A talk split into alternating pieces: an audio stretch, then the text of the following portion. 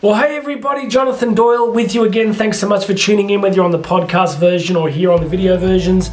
Uh, please make sure you're subscribed. It's uh, a little bit of fun I get every week is to watch the subscriber count creep up. So I'd love you if you could subscribe if uh, you are experiencing some uh, occasional inspiration, encouragement, some directions forward from this content, please subscribe. Go and check out the links here in the show notes, uh, in the description here, because uh, you can get a free copy of my book, Bridging the Gap. There's a whole bunch of other stuff there. So go check out those links, it would mean a lot to me.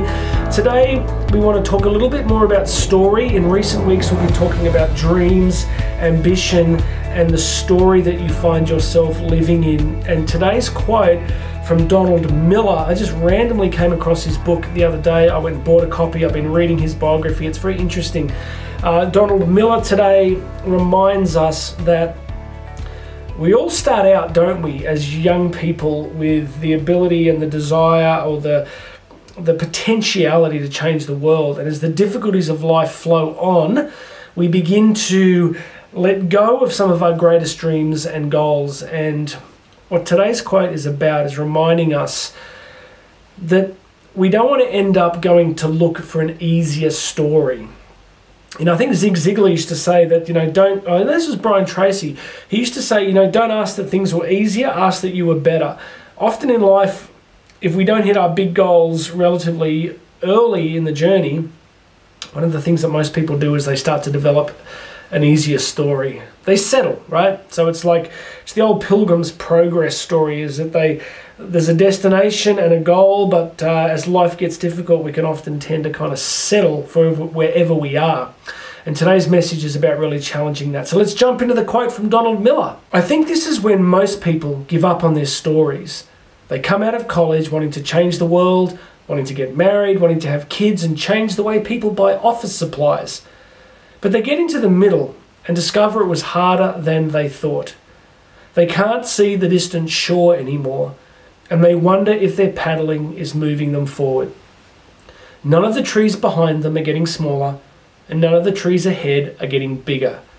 They take it out on their spouses, and they go looking for an easier story.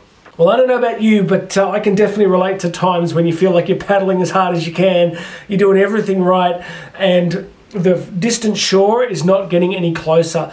A while ago, we were with some friends uh, on a family kind of holiday a few years ago, and one of the kids took a, uh, a paddleboard out, and uh, and they got there was crazy wind and a whole bunch of stuff happening, and they kind of froze, and it was pretty serious, and they were a long, long way out off the beach, and uh, it was one of those moments where everybody's like, oh no, they should be fine. This is okay. This is going to work out. And all of a sudden we realize this is really serious.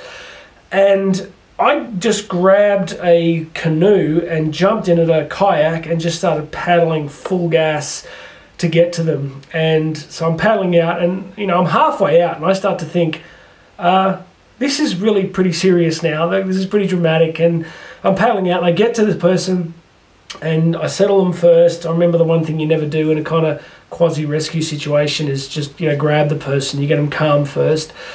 We got on the kayak and we started paddling for the distant shore. And by this time, the wind was extraordinary. It really just came out of nowhere.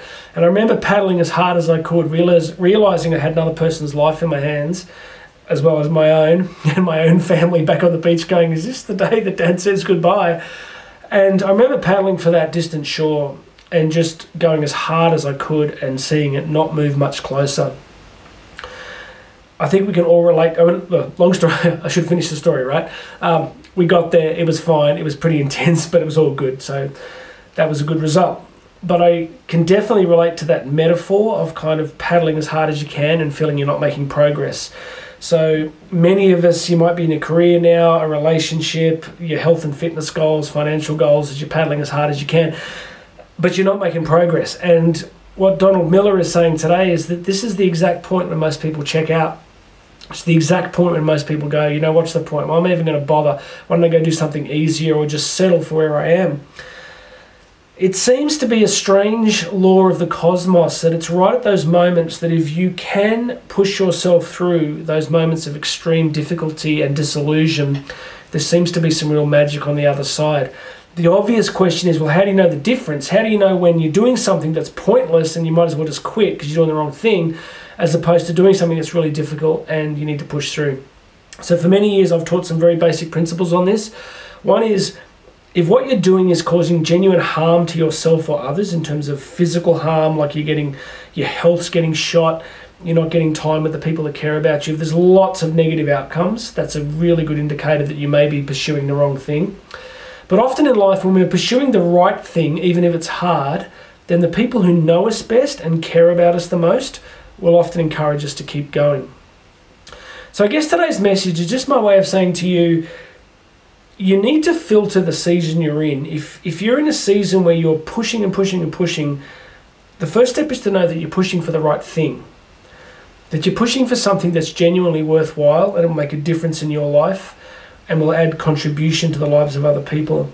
The second filter is do you are you surrounded by people telling you to stop? Now, I really want you to concentrate because in personal development there's a lot of nuance around this.